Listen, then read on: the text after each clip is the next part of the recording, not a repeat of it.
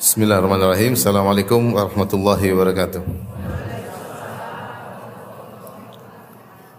Alhamdulillahi ala ihsani wa syukru lahu ala taufiqihi wa amtinani wa asyhadu an la ilaha illallah wahdahu la syarika lahu ta'ziman li sya'ni wa asyhadu anna Muhammadan abduhu wa rasuluhu da'ila ridwani Allahumma salli alaihi wa ala alihi wa ashabihi wa ikhwani Hadirin dan hadirat yang dirahmati oleh Allah Subhanahu wa taala, kita lanjutkan bahasan kita dari kitab Riyadhus Shalihin masuk pada bab bab mayubahu minal ghibah yaitu gibah yang dibolehkan. Ini gibah yang halal ya.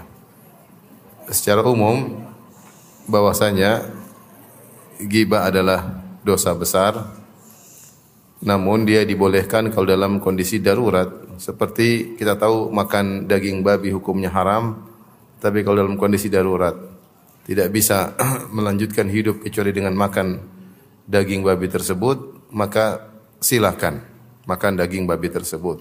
Seperti seorang yang dalam kondisi safar tidak ada makanan kecuali makanan yang haram, maka dihalalkan makanan tersebut illa maturirtum kecuali yang di kalian dalam kondisi darurat kata Allah Subhanahu wa taala. Uh, tetapi sebagaimana dalam kaidah ad-daruratu tuqaddaru biqadariha bahwasanya darurat itu diper, diperbolehkan sesuai dengan kadarnya, tidak boleh berlebih-lebihan. Ketika seorang di tengah jalan kelaparan, kemudian tidak ada makan kecuali daging babi, jangan kemudian dia makan daging babi sampai kekenyangan, jangan. Artinya secukupnya, yang penting dia bisa menjalani melanjutkan hidupnya. Jadi demikian juga gibah.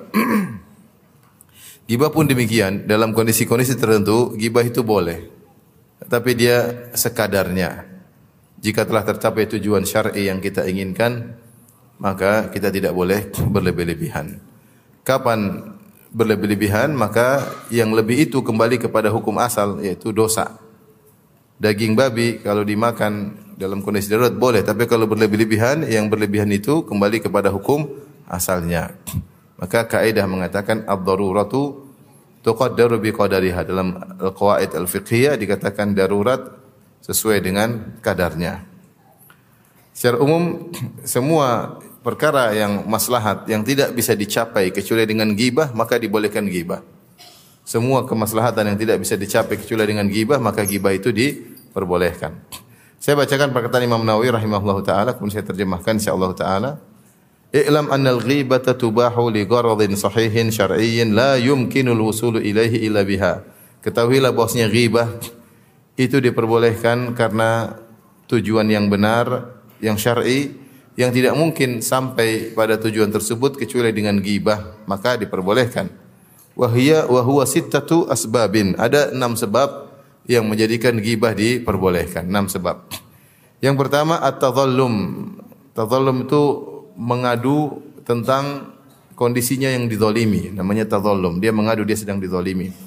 Fa yajuzu lil mazlumi an yatadhallama ila sultani wal qadhi wa ghairihima mimman lahu wilayah. Maka boleh bagi orang yang dizalimi untuk uh, melaporkan kepada sultan dengan me menggibah orang yang menzaliminya. Si fulan telah menzalimi saya. Ke sultan atau hakim atau selain mereka yang memiliki kekuasaan. Au qudratun ala insafihi min zalimihi atau orang yang mampu untuk uh, menghilangkan kezaliman atau mengambil hak dari orang yang menzaliminya. Fayaqulu zalamani fulanun. Maka dia boleh ngelapor dengan berkata, sungguhnya si fulan telah menzalimiku, dia telah begini begini begini. Ini boleh. Ini gibah yang diperbolehkan. Tapi tidak ungkapkan di medsos, enggak. Curhat di medsos, masalah rumah tangga, curhat di medsos, dibikin status, ini gibah yang berlebihan. Kita bilang kalau gibah berlebihan jadi apa? Ha? Haram. Tapi kalau dia bilang ke orang yang bisa menasihati suaminya atau dia dizolimi dilapor ke polisi, terbatas sesuai dengan keperluan, itu boleh. Jadi kaidahnya gibah itu boleh tapi tidak boleh berlebihan. Tidak seperti zaman sekarang ya, suami istri ribut kemudian saling serang menyerang di mana? Di medsos dan status. Tidak ada hakim yang menyelesaikan. Subhanallah. Nanti terkadang berujung dengan perceraian. Waliyadzubillah. Demikian. Kalau tidak suka ya cerai, enggak usah bongkar-bongkaran aib ya di di dunia maya ya. Kemudian yang kedua, al-isti'anatu ala taghyiril munkar. Minta tolong untuk merubah kemungkaran atau menghilangkan kemungkaran. Wa, wa raddil 'asi ila shawab dalam rangka untuk mengembalikan pelaku maksiat kepada kebaikan. Fayaqulu liman yarju qudrat qudratuhu liman yarju qudratahu ala izalatil munkar fulanun ya'malu bikadza. Maka dia berkata kepada orang yang diharapkan bisa menghilangkan kemungkaran, dia bilang sungguhnya si fulan melakukan demikian demikian. Dia gibah, dia gibah si fulan, dia gibah tukang pelaku maksiat tersebut agar orang ini menghentikan kemungkaran yang dilakukan oleh si fulan tersebut. Fasjurhu anhu wa nahwa dhalik. Maka hentikanlah dia dari maksiatnya dan yang semisal ini. Wa yakunu maqsuduhu tawassul ila izalatil munkar. Fa illam yaqsid dzalik kana haraman. Maka dia melapor kepada orang tersebut yang diharapkan bisa menghilangkan kemungkaran si fulan tadi, tujuannya agar kemungkaran hilang. Bukan tujuan yang lain. Kalau dia punya tujuan lain, maka haram. Contohnya dia hasad, contohnya dia ingin dia jengkel karena enggak. Tapi dia ingin kemungkaran tersebut berhenti. Maka ini halal, gibah yang halal. Karena tidak mungkin diberhentikan kecuali diceritakan siapa yang melakukan kemungkaran tersebut. Kondisi ketiga yang dibolehkan untuk menggibah adalah istifta ketika berminta fatwa. Fayaqulu mufti maka dia berkata kepada mufti Zalamani abi wa akhi au zauji au fulan bikada. Sungguhnya ayahku telah mendolimiku. Dia gibah bapaknya. Atau dia berkata, saudaraku telah menggibahku. Dia uh, saudaraku telah mendolimiku. Dia menggibah saudaranya. Atau dia berkata, suamiku telah mendolimiku. Berarti dia menggibah apa? Sua? Suaminya au fulanun bikada atau si fulan telah mendolimiku. Dia bagaimana hukumnya? Fahal lahu dzalik? Ya. Uh, apakah saya boleh begini begini begini karena telah mendolimiku? Ini ini dia bertanya bukan untuk menghilangkan tapi dia bertanya apa yang harus saya lakukan misalnya seperti seorang istri didolimi oleh suaminya dia datang kepada ustaz ustaz suamiku begini begini begini saya mesti bagaimana ya boleh atau tidak boleh ya. Dia sebutkan kezaliman yang dia rasakan untuk mencari solusi. Ini dia berfatwa atau hukumnya bagaimana Ustaz ya. Tapi bukan tulis di medsos ya. Wa ma tariqi fil khalas minhu? Bagaimana cara saya bisa menghindari kezaliman tersebut? Wa tahsili haqqi? Bagaimana saya bisa mendapatkan hak saya? Wa daf'i dzulm? Bagaimana saya bisa menolak kezaliman tersebut? Ini pertanyaan semua ditanyakan kepada mufti dengan terang-terangan dia menyebutkan suamiku mendolimiku, ayahku mendolimiku. Ini tidak gibah yang diperbolehkan. Wa nahwi dzalik. Fahadha jaizun lil haja. Ini diperbolehkan karena ada keperluan. Walakinnal ahwata wal afdala an yaqul ma taqulu fi rajulin aw syakhsin aw zaujin kana min amrihi kada. Tetapi yang lebih afdal lebih hati-hati, dia tidak usah sebut nama. Dia bilang, Ustaz, bagaimana hukum kalau ada istri yang diginikan suaminya? Bagaimana hukum kalau ada seorang anak yang dizolimi oleh bapaknya. Ini lebih hati-hati tanpa menyebutkan dirinya ya. Tanpa menyebutkan apa? Dirinya. Tapi kalau dia menyebutkan dirinya dan bapaknya juga boleh, enggak ada masalah. Ya. Tidak ada tidak ada masalah. Tapi kata Nawawi rahimahullahu taala lebih bagus dia ngomong gitu, ma taqulu fi rajulin aw syakhsin aw zaujin kana min amri kada. Fa innahu yahsul yahsulu bihil gharadu min ghairi ta'yin. Maka dengan demikian tujuan dia untuk bertanya dia telah mendapatkan jawabannya tanpa harus menyebutkan person-personnya. Wa ma'a dzalik fatyinu jaizun kama sanadhkuruhu fi hadithi Hind insyaallah taala. Meskipun demikian, kalau dia pun menyebutkan person-personnya tidak jadi masalah karena diperbolehkan sebagaimana dalilnya dalam hadis Hind binti Utbah akan datang penjelasannya. Ya, kalau bisa tidak sebut nama bagus, tapi kalau harus sebut nama tidak jadi masalah. Kenapa? Karena terkadang kalau tidak sebut nama, tidak sebut siapa-siapanya, mungkin sang mufti atau sang ustadz yang ditanya tidak bisa memberi jawaban yang lebih sempurna. Tapi kalau dia tahu kamu ya, nah tentunya dia tahu oh kamu yang ada masalah sehingga dia bisa memberi jawaban yang lebih pas karena dia tahu siapa person-personnya yang bermasalah tersebut.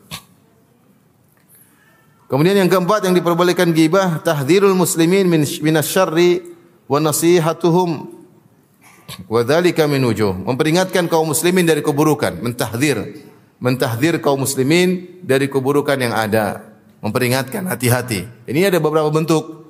Bentuk pertama adalah jarhul majruhin minar ruwat wa syuhudi wa dzalika jaizun bi ijma'il muslimin bal wajibun lil haja.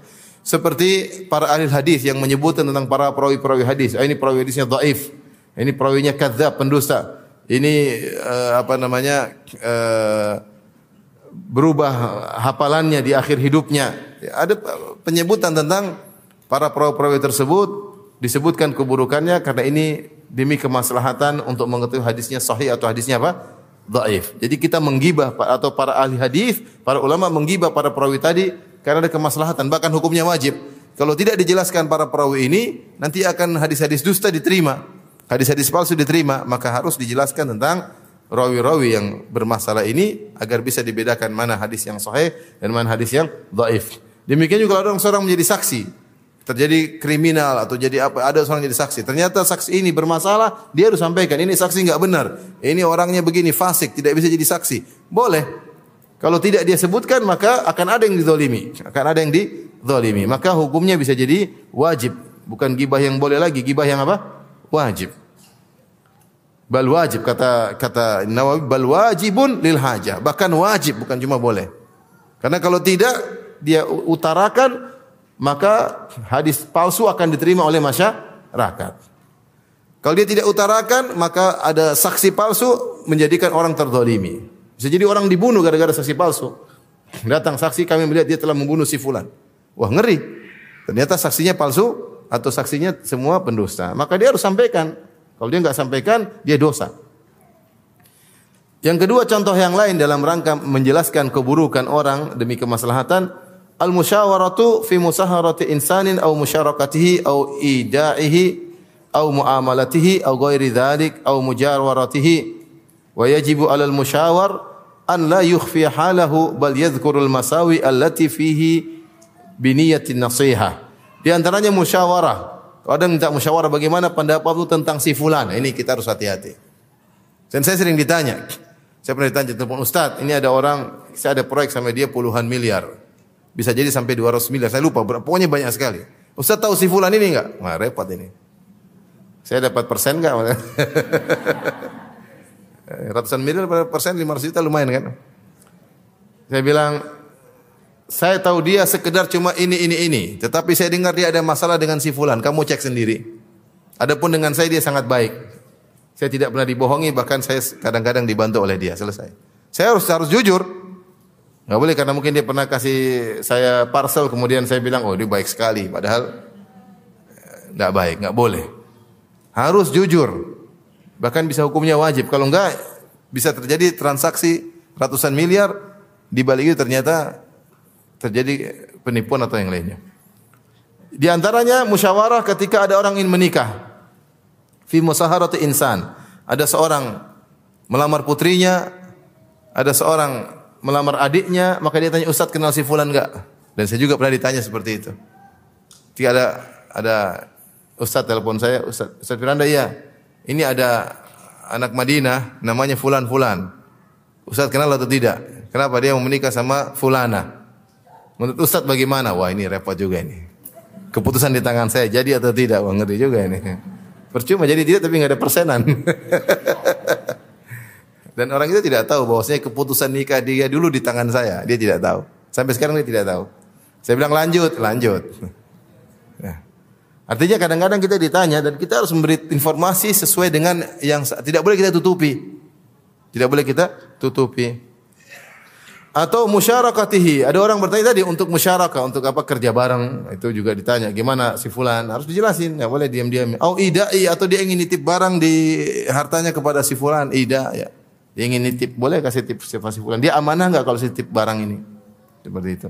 Au muamalati kadang bermuamalah, au ghairihi, au ghairi dzalik, au mujawaratihi atau ingin bertetangga dengan dia. Eh, itu si fulan sudah punya rumah di kompleks itu. Enak enggak jadi tetangga sama dia? Kamu kenal dia enggak? Oh iya, dia tuh baik. Saya dulu pernah bertetangga sama dia. Tiap hari ngirimin makanan. Udah semangat. Oh jangan jangan itu parah itu tangga itu parah itu. Mulutnya nggak bisa direm ya. Ngomongin orang terus. Kalau sudah bertamu rumah kita, dia jebutin kejelekan-kejelekan kita ke luar. Jadi kita harus jujur menyampaikan tentang orang tersebut. Maka kata Al-Imam Nawawi rahimahullah taala wajib wajib bagi orang yang diminta musyawarah untuk tidak menyembunyikan kondisi orang tersebut. Jadi wajib, tidak boleh bukan ini gibah jadi wajib, bukan cuma apa? Boleh. Ya sebenarnya kalau kita bikin judul bukan cuma gibah yang dibolehkan, itu gibah yang dibolehkan dan gibah yang diwajibkan. Ini hukumnya wajib, dia harus jelaskan, tidak boleh disembunyikan. Kalau ada keburukan, dia harus jelaskan dengan niat nasihat, bukan niat dendam ya. Bukan oh kebetulan itu memang dia kurang ajar, dia pernah bohongin saya, enggak lah. Kita, memang kita nasihati ini, ini begini, saya pernah muamalah sama dia, dia pernah ngibulin saya, pernah. Lo ada orang pernah kerja di di apa sama saya lah, apa saya ada ada kerjaan, saya minta tolong dia. Saya ada hitung-hitungannya. Bikin pagar rumah atau apalah ya. Intinya bikin Habis itu ya saya bayar bahkan lebih. Ternyata dia tidak benar kerjanya, tapi saya sudahlah. Ternyata dia jual nama saya. Eh, saya yang bangun ininya Ustadz Firanda. Hanya tipu orang 300 juta. ya, orang itu saya baru tahu belakangan cerita sama saya. Ustadz, dia saya percaya karena dia bilang dia bangun rumah Ustadz. Iya, dia juga ngibulin saya. Cuma saya dikebulin nggak banyak-banyak seperti ente. saya paling beberapa juta aja. Ke ente 300 juta, banyak kali dikibulin. Intinya seperti gini kalau kita diamin menjalar ya. Mungkin dia fotoan sama saya, mungkin dia ini di rumahnya lagi kerja, ini bener lah. Orang langsung benerin ya. Jadi kalau ditanya ya kita harus jelasin, tidak boleh kita sembunyikan. Demikian juga di antara bentuk kita memberi peringatan kepada masyarakat tentang keburukan seorang, di antaranya kita Imam Imam berkata, "Idza ra'a mutafaqqihan yataraddadu ila mubtadi'." au fasiqin ya'khudhu anhu ilm Jika engkau melihat seorang yang belajar fikih ya sering pergi ke ahlul bidah, belajar sama ahlul bidah atau pergi ke orang yang fasik untuk ngambil ilmu. Ini, ini dia kayaknya orang alim tapi ini dia fasik, ini orang fasik. Penampilan aja di kalau lagi di masjid kelihatannya orang alim, tapi dia itu fasik. Dia itu gini gini gini. Nah, kamu jangan ambil ilmu sama sama dia. Harus diberi peringatan, ya boleh didiamin. Didiamin ya.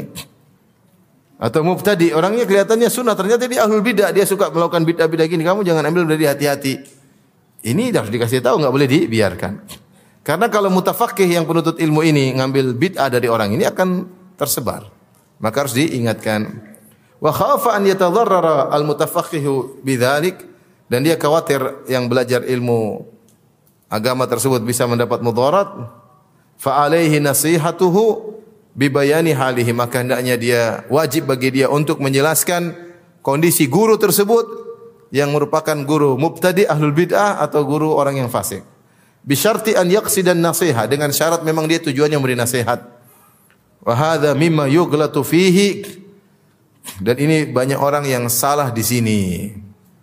Salahnya di mana? Waqad yahmil mutakallimu bidzalika al-hasadu wa yulabbisu syaitanu alaihi dhalik wa yukhayyalu ilaihi annahu nasihatun falyutafattan lidzalik. Banyak orang selama ini ketika dia ngomongin dai yang lain karena dai tersebut terjun dalam gibah, ternyata dia ngomongin dai tersebut bukan karena nasihat tapi karena hasad. Hati-hati kalau dia ngomongin tentang dai tersebut karena hasad, dia dosa. Tapi kalau dia tujuannya nasihat, dia berpahala, gibah yang wajib. Misalnya ada dua dai, satunya dai sunnah, satunya mungkin dai sunnah tapi suka melakukan bid'ah. Ternyata sunnah yang suka melakukan bid'ah pengikutnya banyak. Karena namanya bid'ah kan banyak yang suka. pengikutnya banyak. Ternyata yang sunnah ini hasad sama dia. Ketika ditanya, boleh nggak saya ngaji sama itu? Oh, nggak boleh. Tapi dia ngomongnya bukan karena nasihat, tapi karena apa? Hasad, dosa nggak boleh. Kalau nasihat ya nasihat ya dia begini tapi dia ada begini-begini kamu waspada. Dia punya bid'ah begini-begini. Ya tapi kalau dia karena hasad maka dosa. Imam Nawawi ingatkan tujuannya dengan syarat memberi apa nasi? Nasihat bukan karena hasad kepada dai bid'ah tersebut, pelaku bid'ah tersebut. Tidak boleh.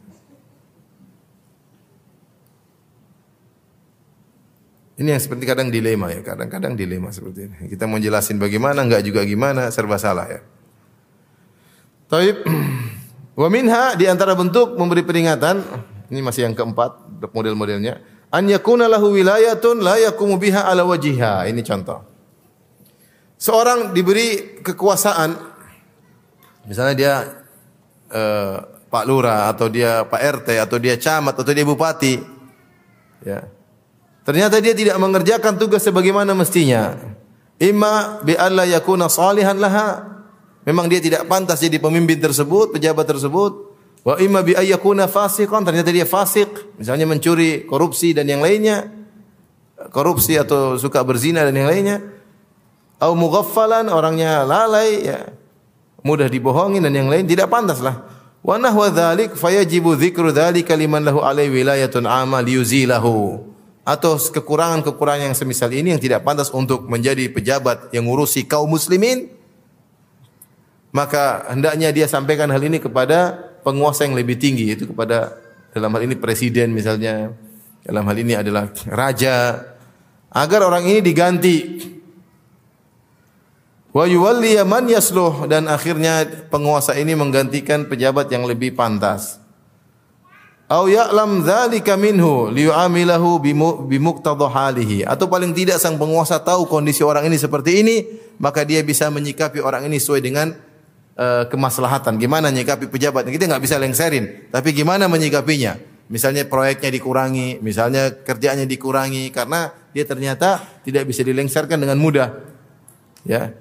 Dan uh, harus disikapi dengan sikap yang pas Wala yaktarru agar dia tidak terpedaya dengan pejabat ini. Ternyata kelihatannya manis, ternyata di baliknya banyak kekurangan.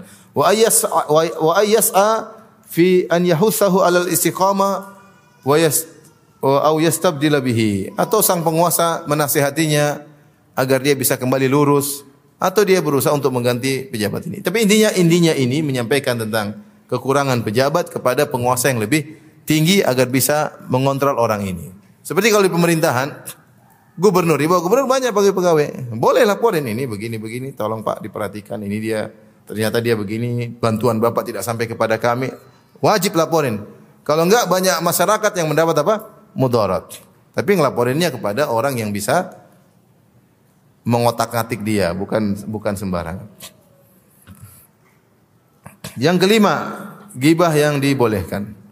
An yakuna mujahiran bi fisqihi atau bi bid'atihi Kal mujahir bisyurbil khamar. Seorang yang terang-terangan menampakkan kefasikannya atau menampakkan kebid'ahannya.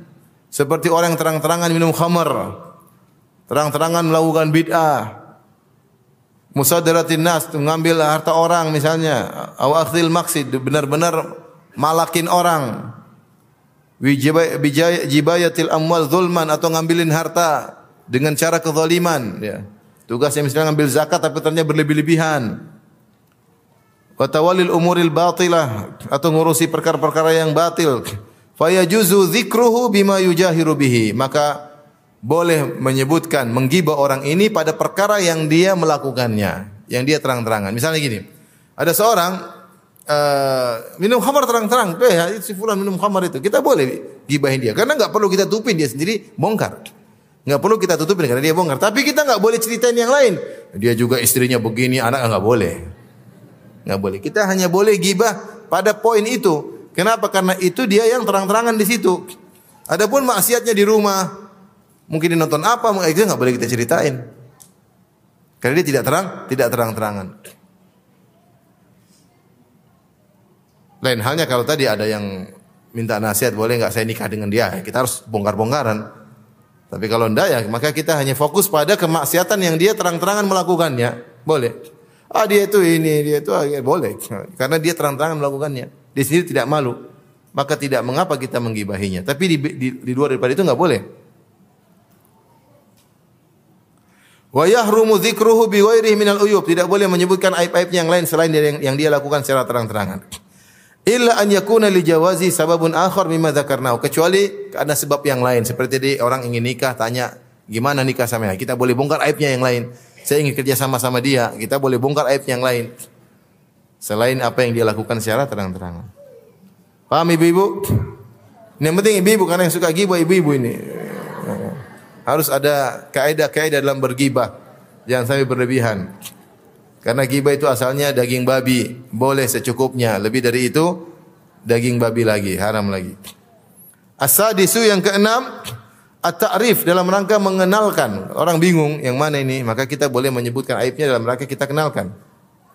Fa idza kana al-insanu ma'rufan bilaqabin. Jika ada seorang terkenal masyhur dengan lakopnya, dengan gelarnya.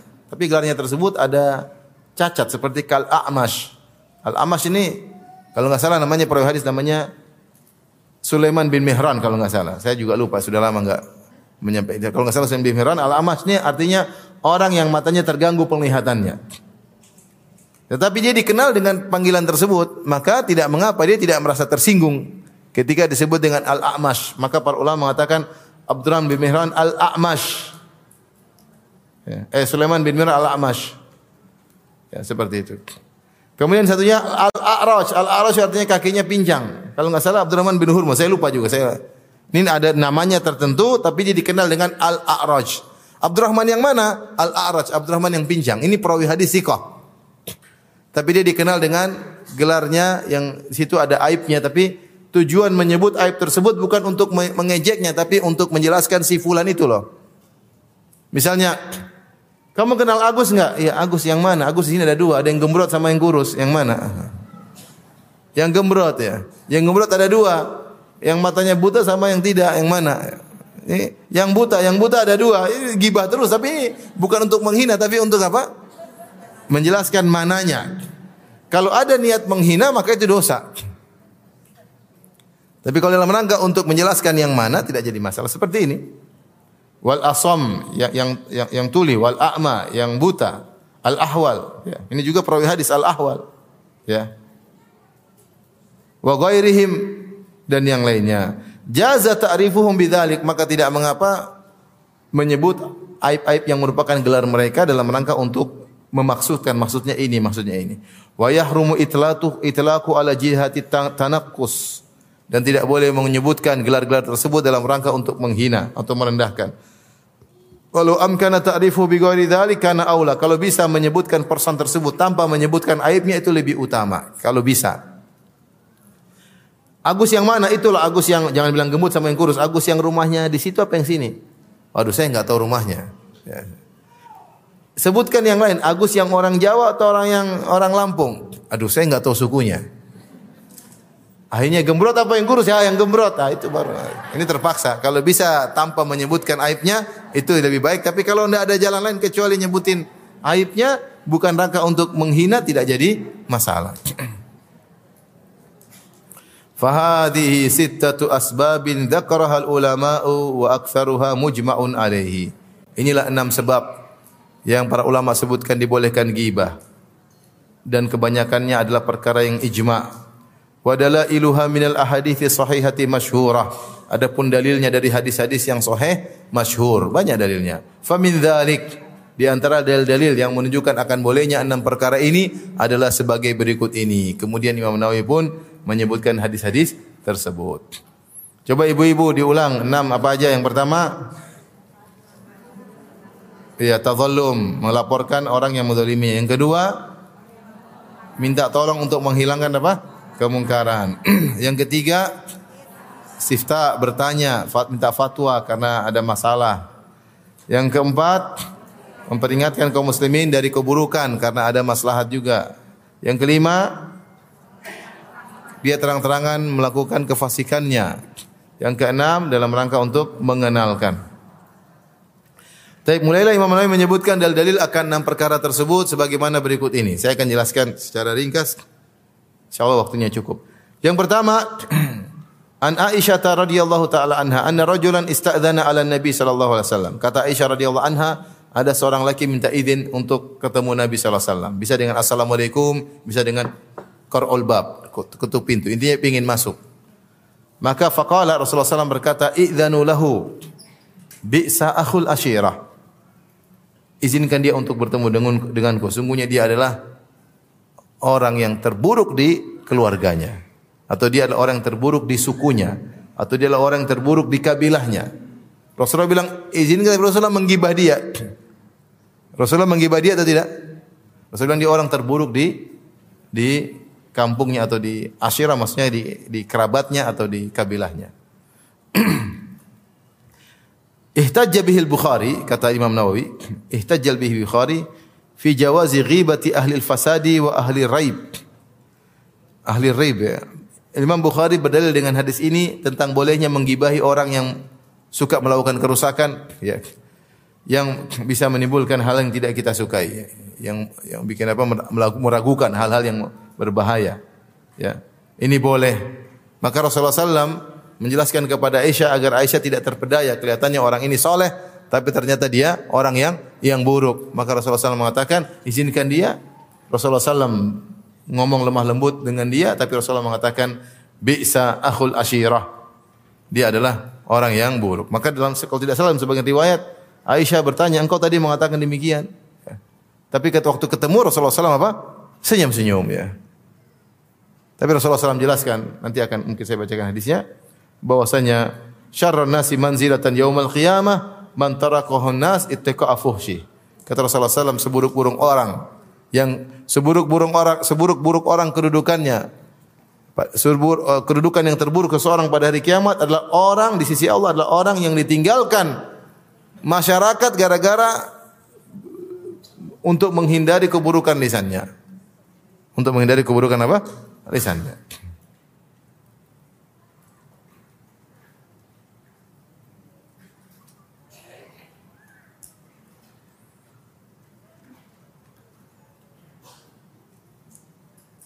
Jadi tidak mengapa kalau ada orang terkenal rusak akhlaknya, kita sebut ini orang rusak akhlaknya.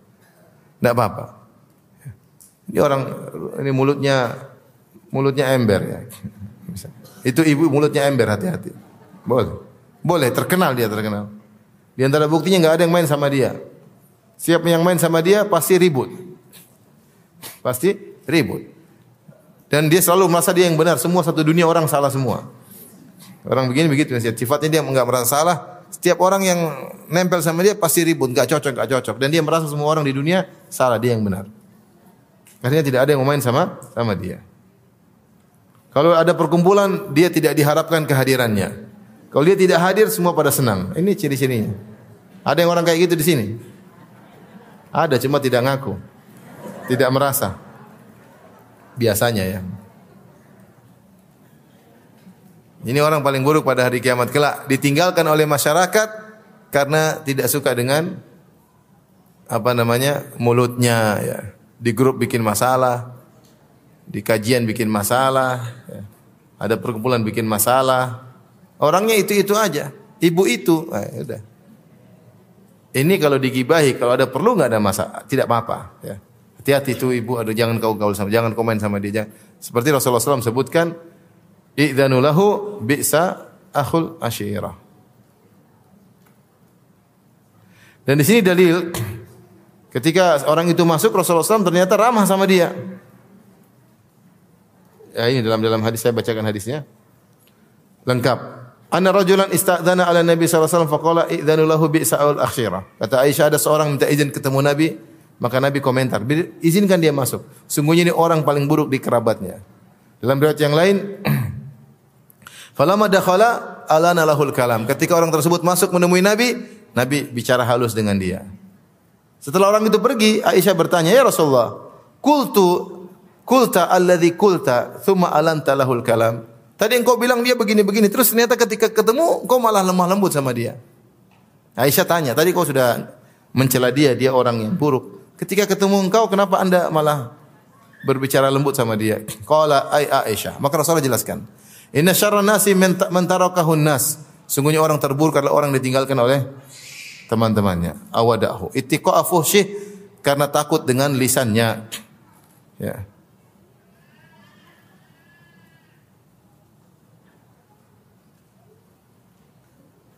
Kata Nawawi rahimahullahu taala mensyarah hadis ini, arada Nabi sallallahu alaihi wasallam an yubayyana halahu liya'rifahu an-nas wa la yaktar bihi man lam ya'rifhu malam ya'rif halahu. Rasulullah SAW ingin menjelaskan kondisi orang ini agar orang-orang tidak terpedaya dengan mungkin penampilannya, ter, terpedaya dengan mungkin statusnya, terpedaya dengan profilnya yang indah, terpedaya dengan jilbabnya, dengan cadarnya, terpedaya dengan jenggotnya. Maka Rasulullah jelaskan supaya orang yang tidak tahu kondisinya bisa tahu. Ini gibah yang dibolehkan. Dan ini menunjukkan bolehnya al-mudarat, tidak boleh al-mudahan. Apa itu mudarat? Al-mudahana bedanya. Mudarat adalah seorang yang uh, apa namanya? mengorbankan sebagian atau melakukan sebagian perkara duniawi untuk kemaslahatan dunianya atau kemaslahatan agamanya. Seperti Nabi SAW lemah lembut sama dia. Tapi demi kemaslahatan agama. Mungkin kalau Nabi omelin dia mungkin terjadi apa-apa. Maka Nabi SAW lemah lembut dengan dia kemaslahatan. Supaya semoga siapa tahu dia berubah di kemudian hari. Siapa tahu dia melihat kelembutan Nabi dia bisa juga lemah lembut perkataannya. Karena dia mulutnya apa? Mulutnya enggak enak. Maka uh, Nabi tidak menjelaskan kepada dia secara terang-terangan karena ada kemaslahatan. Ini namanya mudarat. Al-mudarat ya. Jadi tapi tidak ada mengorbankan agama. Adapun mudahanah yaitu mengorbankan agama, mengatakan yang tidak benar tentang agama demi kemaslahatan duniawi. Demi kemaslahatan apa? Duniawi. Contohnya gimana mudahana? Misalnya ada orang tanya, eh gimana sih Fun? Oh dia, dia, dia bagus. Padahal nggak bagus. Tapi supaya dia bisa kerja sama sama orang ini. Ya, menurut kamu saya gimana? Oh kamu bagus, top top. Padahal nggak bagus, agamanya nggak bagus. Tapi dia ngomong begitu supaya bisa kerja sama duniawi sama orang ini. Ini nggak namanya mudah mudahana nggak boleh. Mudah. Kalau mudarat boleh ya. Kita ada korban duniawi demi kemaslahatan. Ya, mudarat seperti apa? Seperti misalnya kita ngobrol sama orang. Orang itu merokok depan kita. Ya kita sabar-sabar aja. Batu-batu. Demi apa? Supaya kita bisa nyampaikan agama sama dia. Kalau mudahana gimana? Gimana Ustaz menurut antum merokok bagus nggak? Oh bagus, itu mudahana nggak boleh. Membuat menyatakan hukum yang salah demi untuk kemaslahatan nggak boleh. Atau kita mau dakwahi orang yang main musik. Kita sabar-sabar dia sambil merokok, kita dia merokok, kita sabar, kita bicara tentang tauhid dulu bukan bicara tentang musik belakangan. Tapi kalau mudahana, eh saya juga bisa main bukan cuma kamu aja, jeng jeng jeng ya itu. Itu itu namanya mengorbankan agama demi kemaslahatan duniawi, enggak boleh. Jadi bedanya mudarat boleh, mudahana tidak? Tidak boleh.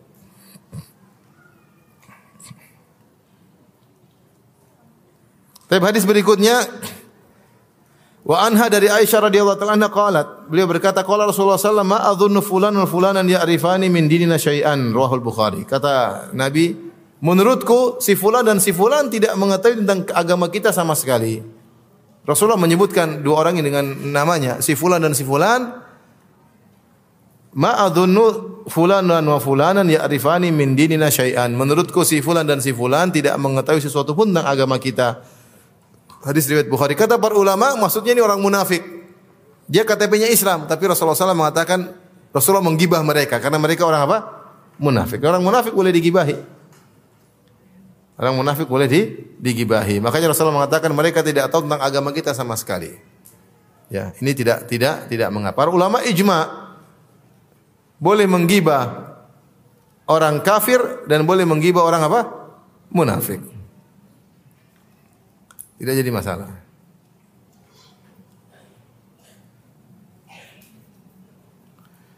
Dalil akan orang ini menunjukkan dia mereka adalah orang munafik karena Rasulullah mengatakan mereka tidak mengetahui agama kita. Seakan-akan mereka bukan golongan dari kita. Ya arifani min dinina syai'an ma adhunnu anna fulanan wa fulanan arifani min dinina syai'an. Saya, saya tidak saya, saya tidak menduga si fulan dan si fulan mengetahui sedikit pun tentang agama kita. Berarti seakan-akan dia bukan dari agama kita meskipun KTP-nya Islam. Menunjukkan dua orang ini adalah orang apa? Muna, munafik.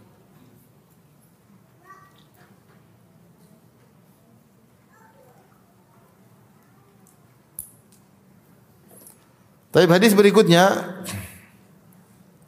An Fatimah binti Qais dari Fatimah binti Qais radhiyallahu taala anha dan dia seorang wanita Quraisy namanya Fatimah bintu Qais bin Khalid bin Wahb bin Al-Qurashiyah Al-Fihriyah.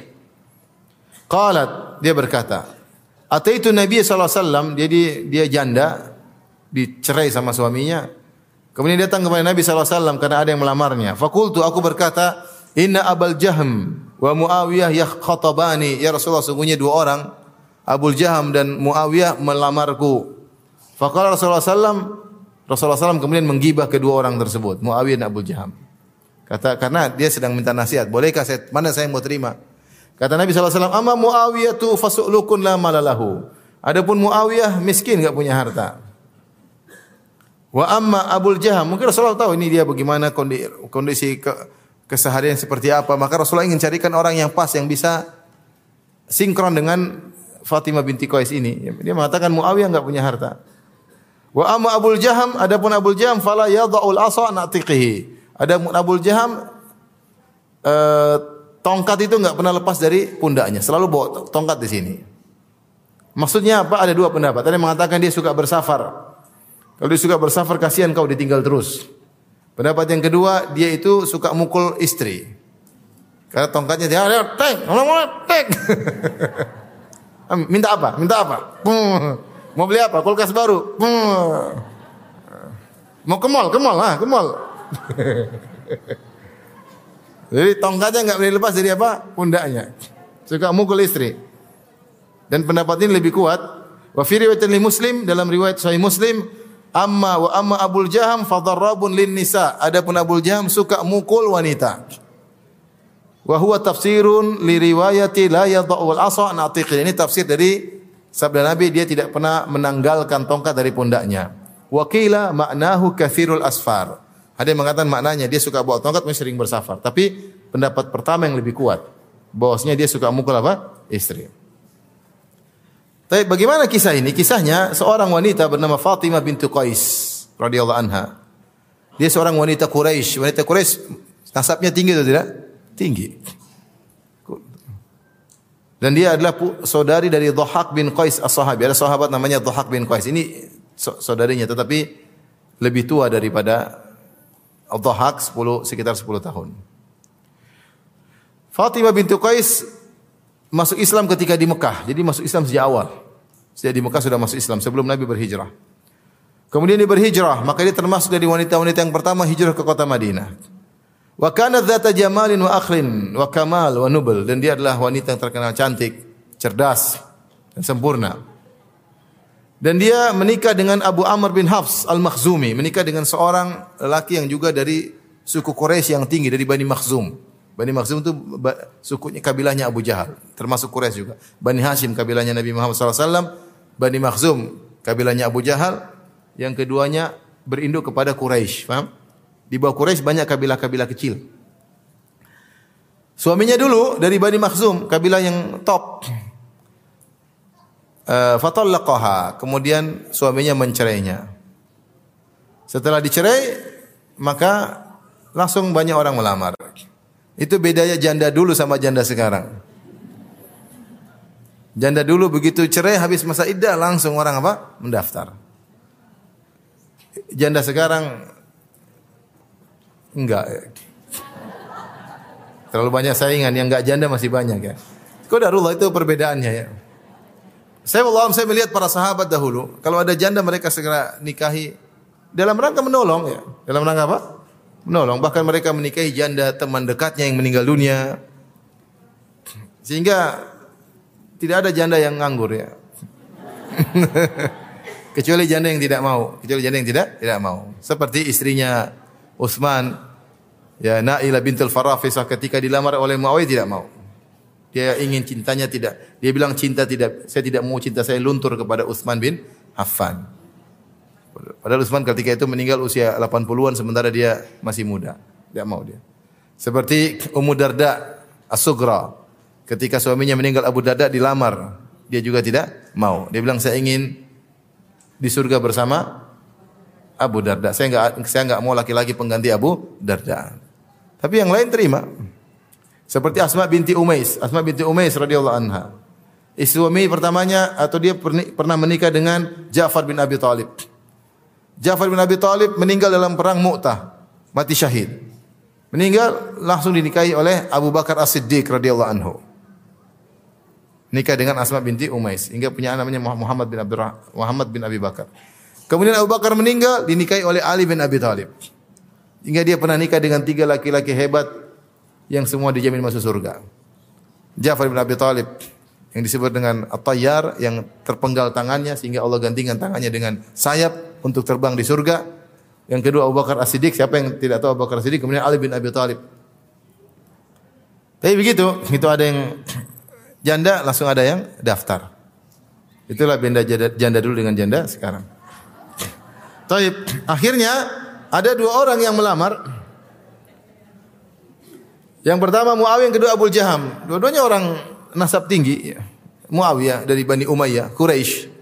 Ya. Kabilahnya Utsman bin Affan. Abu Jaham saya kurang tahu siapa ya. Maka apa kata Nabi sallallahu alaihi wasallam? Nabi menjelaskan ini gibah, Nabi menggibah. Tadi gibah yang boleh karena diminta nasihat. Amma Muawiyah fasulukun la malalahu. Adapun Muawiyah miskin, tidak ada hartanya. Abu Jaham suka pukul perempuan.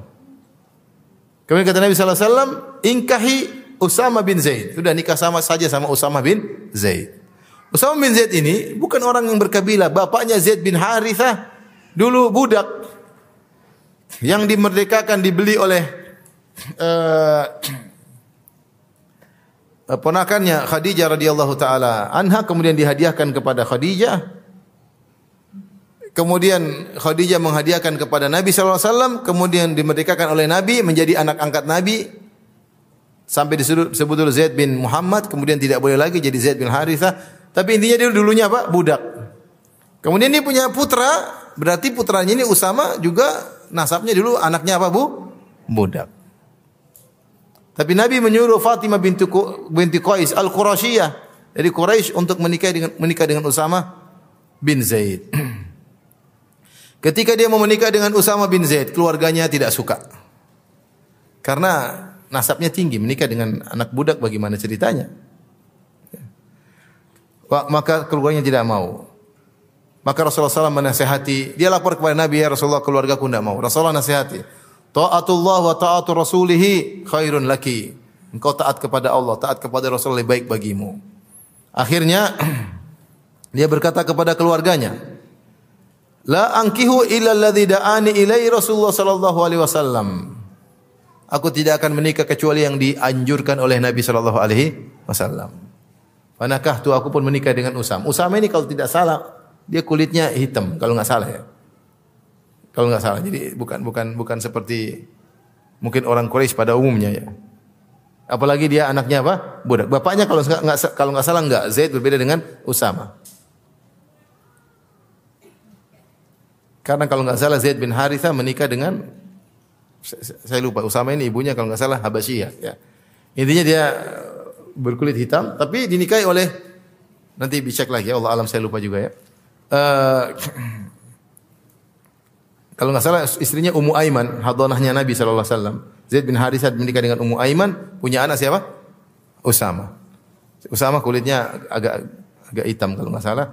Tapi Fatimah karena ini anjuran Nabi maka dia terima. Keluarganya sudah jangan-jangan yang ini enggak.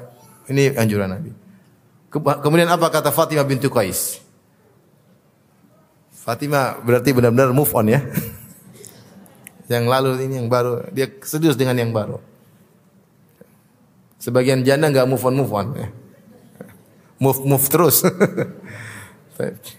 Faja'alallahu fihi khairan waktu waktu bittu bihi. Kata perhatikan kata Fatimah, dia menyebutkan akibat dia dampak dari dia taat kepada Nabi, dia mengatakan maka Allah jadikan pada Usama atau pernikahan kami banyak kebaikan. Dan aku dicemburui karena menikah dengan apa? Usama. Artinya banyak kebaikan di balik itu. Kata beliau, "Fasharrafani Allah bi Abi Zaid wa karramani Allah bi Abi Zaid." Allah telah memuliakan aku dengan Usama suamiku Abu Zaid. Allah karomani memberikan aku karamah dengan Abu Zaid. Ya.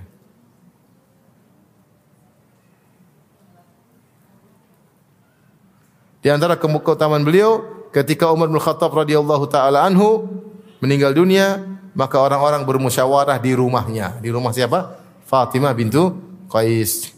Mereka ingin memilih khalifah yang baru tapi musyawarah tersebut di rumahnya, menunjukkan dia wanita yang dimuliakan.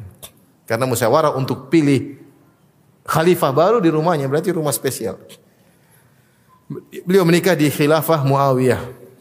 Muawiyah bin Abi Sufyan. Ini yang pernah ngelamar jadi khalifah. Kemudian dia meninggal di masa kekhalifahan Muawiyah. Tapi dia bangga punya suami siapa? Usama. Ini dalil tentang bolehnya kalau ada yang bertanya tentang kita minta musyawarah, maka kita harus jelaskan keburukannya. Harus jelaskan keburukan kebaikannya. Kata orang, kalau orang datang sama kamu, Ustadz, ada ada ada orang mau lamar putri saya. Ustadz kenalkan bagaimana menurut Ustadz ya. Kita harus menjadikan posisi seakan-akan itu putri kita yang mau dilamar. Maka kita harus benar-benar milih. Serius nggak ada yang disembunyikan. Baik. Kita lanjutkan sedikit lagi insyaallah. Hadis berikutnya wa an Zaid bin Arqam qala kharajna ma Rasulullah sallallahu fi safarin asaba an-nasa fihi shiddah. Kata Zaid bin Arqam kami bersafar bersama Nabi sallallahu alaihi wasallam keluar bersafar maka orang-orang ditimpa dengan kesulitan itu mungkin kurang makanan dan yang lainnya. Qala Abdullah bin Ubay, maka berkatalah Abdullah bin Ubay ke pimpinan orang-orang munafik di ashabi kepada teman-temannya. Dia berkata, "La tunfiku ala man inda Rasulillah hatta yanfaddu." Jangan kalian bantu berinfak, jangan kalian bantu orang-orang di sekeliling Nabi sampai mereka berpisah dari Nabi, sampai mereka meninggalkan Rasulullah SAW. Kemudian mereka, kemudian Abdullah bin Ubay bin Abu Abdullah bin Ubay bin Salul Sombong lagi dia berkata, la irja'na ilal madinati la yukhrijana al-azu minhal adha. Nanti kalau kita pulang ke Madinah, maka yang kuat akan mengusir yang lemah. Maksudnya kami orang munafik, orang penduduk asli yang kuat akan mengusir yang yang miskin. Ternyata itu didengar oleh Zaid bin Arqam. Fa ataitu Rasulullah wasallam, aku pun mendatangi Rasulullah sallallahu alaihi wasallam fa akhbartuhu bidzalik. Aku pun lapor kepada Nabi tentang perkataan gembong orang munafik ini. Fa arsala ila Abdullah bin Ubay fajtahada yaminahu ma fa'ala. Maka Rasulullah SAW mengecek. Rasulullah SAW kirim seorang untuk bertanya kepada Abdullah bin Ubay bin Salul. Benarkah engkau mengatakan demikian-demikian? Maka dia bersumpah demi Allah tidak, demi Allah tidak. Faqalu orang-orang berkata, kadzaba Zaid. Zaid bin Arqam telah berdusta Rasulullah kepada Rasulullah sallallahu alaihi wasallam. Kata Zaid, fa waqa'a fi nafsi mimma qaluhu shiddah. Aku benar-benar berat ketika aku dituduh berdusta. Hatta anzalallahu taala tasdiki. Maka Allah turunkan ayat membenarkan kejadian ini apa yang aku laporkan kepada Nabi. Surat Al-Munafiqun. Idza ja'akal munafiquna qalu nashhadu innaka la rasulullah. Wallahu ya'lamu innaka la rasul. Wallahu innahum laka. Wallahu ya'lamu innal munafiqina lakadzibun. Allah sebutkan dalam surat Al-Munafiqun tentang perkataan Abdullah bin Ubay dan membenarkan Zaid. Thumma da'ahumun Nabi wasallam. Setelah itu setelah turun ayat memungkar Omongan mereka, Nabi panggil mereka, mari. Liyastaghfir lahum, saya mohon ampun buat kalian. Ternyata mereka tidak mau. Lawaw falau ru'usau, mereka pun balik wajah mereka tidak mau dimohon ampunkan oleh siapa? Nabi wasallam. Ini dalil tentang boleh menggibah orang munafik. Orang munafik tidak jadi masalah menggibah mereka. Bahkan orang munafik bahayanya lebih parah daripada orang kafir. Karena orang munafik KTP-nya Islam. Mereka merusak Islam dari dalam. Kalau orang kafir yang merusak kita tahu dia kafir, statusnya kafir ya. Kita mungkin banyak yang menolak. Tapi kalau orang munafik KTP-nya Islam banyak yang terpedaya. Padahal mereka benci dengan syariat Islam. Tidak suka syariat Islam tersebar. Hati mereka sakit kalau melihat orang berjenggot, hati mereka sakit melihat orang bercadar, hati mereka sakit melihat orang pergi ke masjid sholat berjamaah, hati mereka sakit kalau ada hukum Islam ditegakkan mereka sakit hati. Itu orang munafik, benci dengan syariat Tuhan. Mereka ingin bikin syariat sendiri. Ini orang munafik. Mereka senang kalau kemasan tersebar. Mereka senang kalau homoseksual itu enggak ada masalah. Homoseksual enggak ada masalah. Ngapain orang Allah ngurusin masalah esek-esek seperti ini katanya. Ngeri.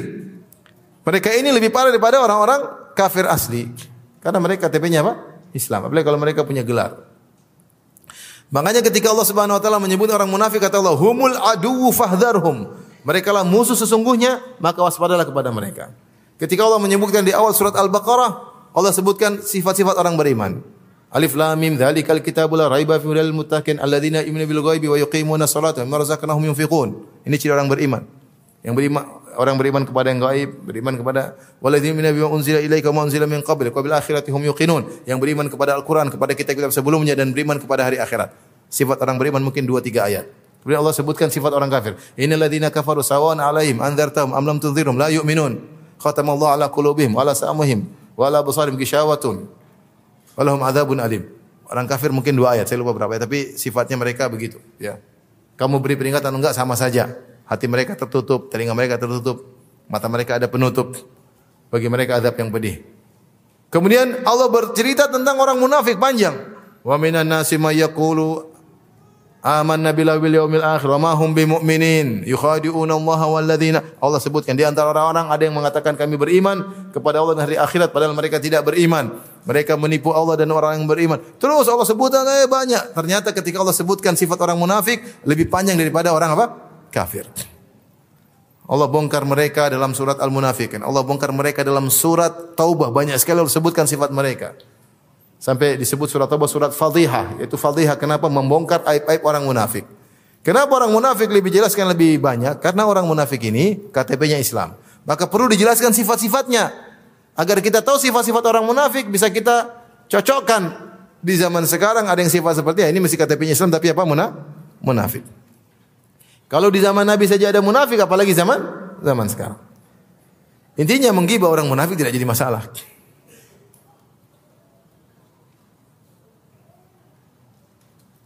Dalam rangka memperingatkan umat dari bahaya mereka. Taib, hadis berikutnya ini saya habiskan karena bab ini kita masuk bab lain pertemuan berikutnya.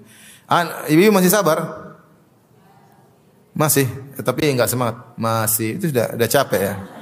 Udah capek. Saya enggak gibah ya, saya ngomong langsung ya. Wa an Aisyah radhiyallahu anha dari Aisyah radhiyallahu anha qalat qalat Hind imra'atu Abi Sufyan. Berkata Hind bintu Utbah, istrinya Abu Sufyan. Hind. Hind kalau bahasa Arab bisa Hindun, bisa Hindan, bisa Hindin. Tergantung dalam konteks apa, sebagai subjek atau sebagai sebagai objek. Kalau Indonesia sudah dipaket jadi Hindun sudah. Hindun. Bacanya Hind Qalat Hind imra'atu Abi Sufyan. Berkata Hind istrinya Abu Sufyan. Dia berkata kepada Nabi, lin Nabi SAW, Inna Abu Sufyan rajulun syahih. Ya Rasulullah, ini dia gibah suaminya karena cari solusi. Istifta bertanya. Tadi gibah yang dibolehkan apa? Bertanya. Ya Rasulullah, Abu Sufyan lelaki yang pelit. Walaysa yu'tini ma yakfini wa waladi illa ma akhadtu minhu wa huwa la ya huwa la ya'lam. Dia memberikan kepadaku dan anak-anakku tidak cukup kecuali aku ambil uang dia diam-diam. Dan dia tidak tahu. Boleh atau enggak? Kata Rasulullah SAW, ibu sudah jawab, boleh katanya. Semangat sekali ngambil uang suami. Qala khudhi ma yakfiki wa waladiki wa waladaki bil ma'ruf. Kata Nabi kepada Hind, ambillah dari Abu Sufyan yang secukupnya buatmu dan anak-anakmu bil ma'ruf dengan yang ma'ruf yaitu ukuran yang secukupnya. Misalnya gini, ada sebuah keluarga istri dia punya anak-anak tiga, anak-anak sekolah, biaya sekolah misalnya tiap bulan seratus ribu, dia tiga ratus ribu tiap bulan, biaya makan mereka. Taruhlah biaya dia hidup yang wajar, dia dan anak-anaknya ternyata dua juta atau tiga juta. Suaminya cuma kasih satu juta, eh dia boleh ngambil dua juta, jangan ngambil tiga juta. Dia ngambil yang cukup dengan kebutuhan yang wajar, bukan yang ambil untuk beli emas, kemudian dia ambil untuk sekolah mahal enggak, yang wajar. Yang ma'ruf itu boleh. Dengan syarat suaminya memberi tidak cukup. Kalau sudah cukup, enggak boleh, namanya nyolong. enggak boleh. Suami udah kasih, udah ini, udah gembrot dia, udah masih lagi nyuri uang untuk beli es krim, enggak boleh. Minta izin, terus uang suami. Jadi hanya boleh ngambil kalau suaminya tidak cukup memberikan padahal suaminya punya. Beda kalau suaminya enggak punya. Maka istrinya harus meng, mensinkronkan dirinya dengan kemampuan suami. Kata Allah, "Yunfik dzu sa'atin min sa'atih." Wa man qudira alaihi rizquhu falyunfik mimma atahu Allah. Kalau punya harta lapang silakan ber, berinfak ber, apa? mengeluarkan hartanya sesuai dengan kelapangannya. Siapa yang hartanya disempitkan oleh Allah, dia berinfak sesuai dengan kemam, kemampuannya. Maka istri harus beradaptasi dengan kondisi suami. Ini ceritanya suaminya Abu Sofyan punya uang lebih tapi tidak memberi yang cukup maka dikatakan pelit. Berarti dia punya uang tapi tidak kasih. Rasulullah membolehkan ngambil secukupnya.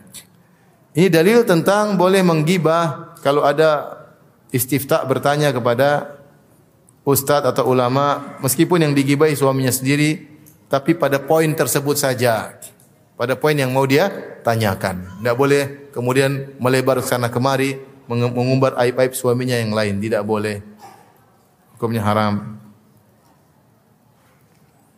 Taib. Taib, itu hadis terakhir yang bisa kita sampaikan pada kesempatan kali ini. Insyaallah pertemuan berikutnya kita bahas tentang haramnya namimah. Taib demikian saja kajian kita. Insyaallah kita lanjutkan pada kesempatan lain. Subhanakallah bihamdik asyhadu an la ilaha illa anta astaghfiruka wa atubu ilaik. Assalamualaikum warahmatullahi wabarakatuh.